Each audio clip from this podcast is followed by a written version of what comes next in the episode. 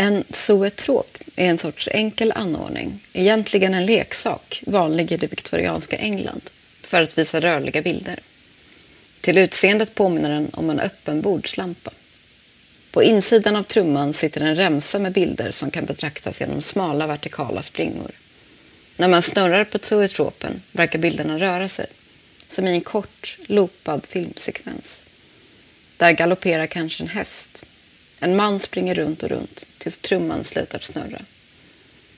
Märkligt alltså att ingen har kommit på att döpa en diktsamling efter den här apparaten förut. På liknande sätt fungerar ju poesiläsning.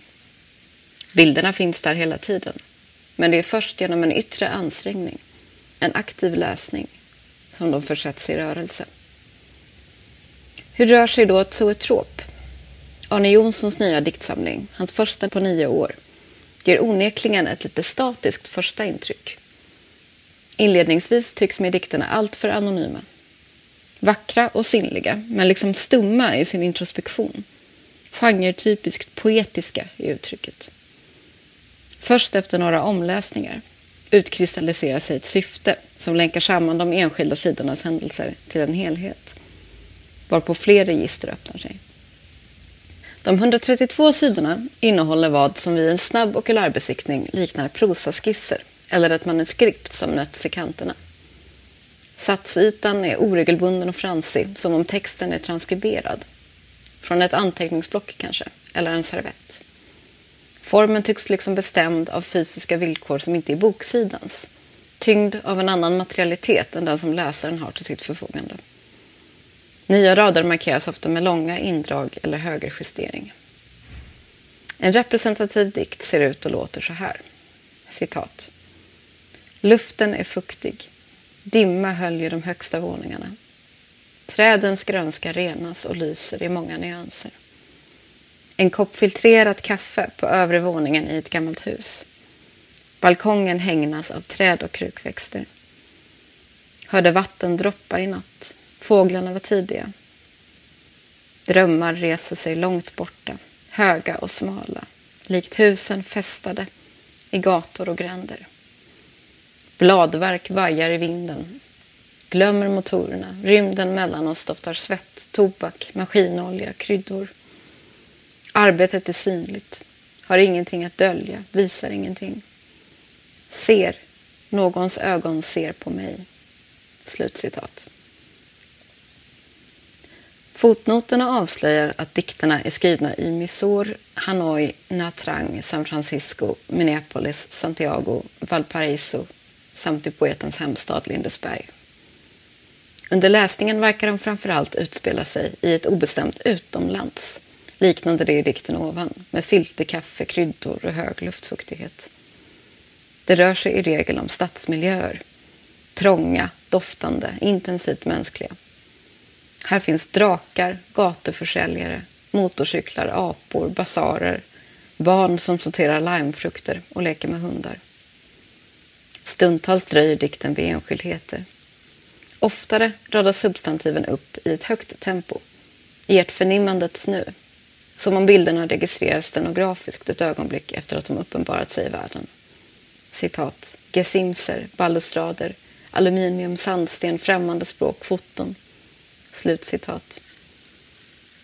Man upplever det som en film med växlande bildhastighet. Då och då en stillbild Sen plötsligt ett smatterband av intryck. Det är tungt, förtätat, samtidigt rytmiskt, sökande. Vem är det som befinner sig i dessa miljöer? Omslaget visar Arne Jonsson själv i vad som tycks vara just en främmande storstad. Bilden är oskarp, tagen i rörelse. Och det tar en stund innan jag upptäcker att det är en selfie i ett skyltfönster. Jonsson håller kameran så diskret att han nästan verkar smygfotografera sig själv. Det är som att han vill få syn på sitt eget främlingskap. Få ett hum om vem han är sedd i all hast utifrån. I en miljö där han inte hör hemma men ändå upplever ett släktskap med omgivningen. Citat. De är samma. Jag är och sedan inte. Slutcitat. Kan det heta. Eller citat. Där är jag också. Mitt i strömmen. Själv del av rösterna. Andningen, rörelserna. Söker det jag inte ser. Slutcitat. Del av detta och avskild som alla, som titeln på en diktsamling från 2002 lyder. Formuleringarna uppenbarade vanskliga med samtida flanörlitteratur. Att som turist gestalta främmande människor i fattigare länder utan att hemfalla åt exotifierande narrativ är svårt, på gränsen till omöjligt. Inte heller den motsatta strategin, att försöka sudda ut skillnaden mellan sig själv och de man möter, är särskilt lyckad. Och jag ställer mig frågande inför den naiva universalismen i rader som citat ”Men vem ser skillnad på fattig och rik?” Slutcitat. Vem ser inte skillnad på fattig och rik? Den fattiga gör det garanterat. Dock ska det sägas att Jonsson vanligen kringgår problematiken genom att appellera till de rent kroppsliga behovens allmängiltighet. Citat. Jag går bland gående, äter med ätande, stum bland talande. Slutcitat. Dessutom är diktens centrum varken resenären eller resmålet. Uppmärksamheten riktas snarare mot det där flyende mellan dem, där platsen griper in i den som talar och tvärtom. Gunnar Ekelöf daterade en gång, närmare bestämt 1957, i en essä ur blandade kort, de omedelbart njutbara resebeskrivningarnas tid till mellan 1650 och 1850. Bäst var kanske 1700-talet. Sedan dess har stilen varit i sjunkande. Ur Ekelöfs synvinkel är problemet inte etiskt. Snarare handlar det om att en viss optik har urholkats. Möjligen kan man tänka på grund av film och fotomediets accelererande dominans över föreställningskraften. Förlorad är det som Ekelöf kallar för den klassiska förmågan att seende iaktta vad vi ser. Jag vet inte om Arne Jonsson skulle hålla med. Nog är det ändå detta han i Zoetrop tycks sträva mot. Att seende iaktta vad han ser. Men seendet är inte bara kopplat till blicken. Citat. Hela min kropp är i betraktande. Alla sinnen tar emot ur luften, marken, vattnet, värmen. Jag är ständigt vaksam. Slutcitat. Jaget rör sig långsamt i landskapet. Han är ingen stursk upptäckare i 1700-talsstil. Det är världen som går genom honom. Citat.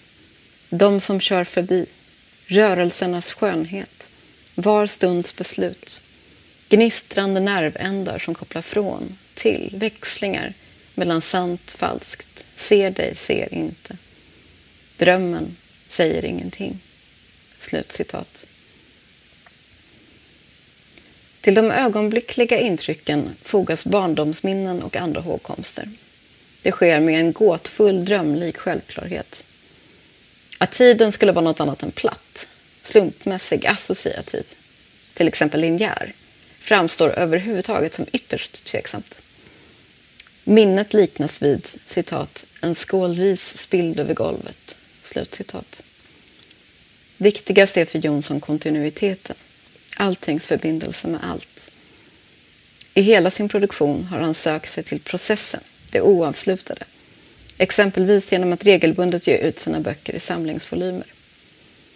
Oftast börjar de med små bokstäver, kommatecken eller annat som markerar att man stiger ner i någonting redan pågående. Så också i Zoetrop, där varenda sida inleds med liten bokstav.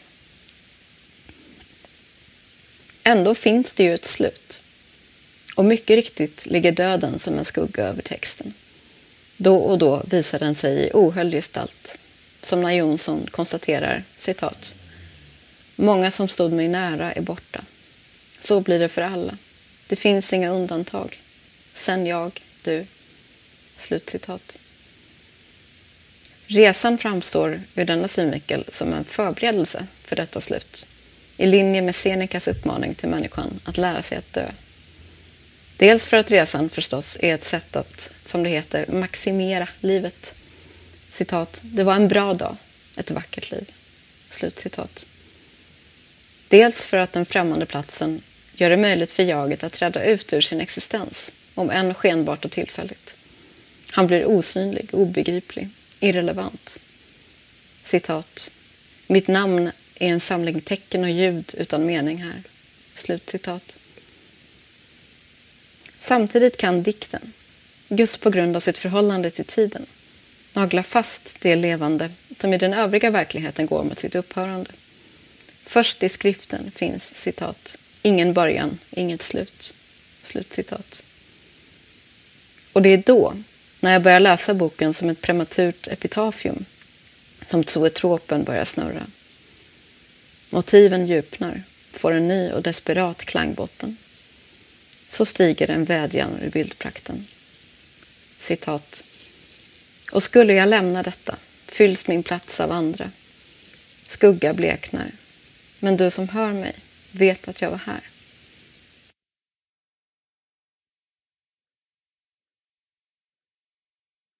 Den här recensionen är originalpublicerad på www.ornenochkrakan.se under ansvarigt utgivarskap.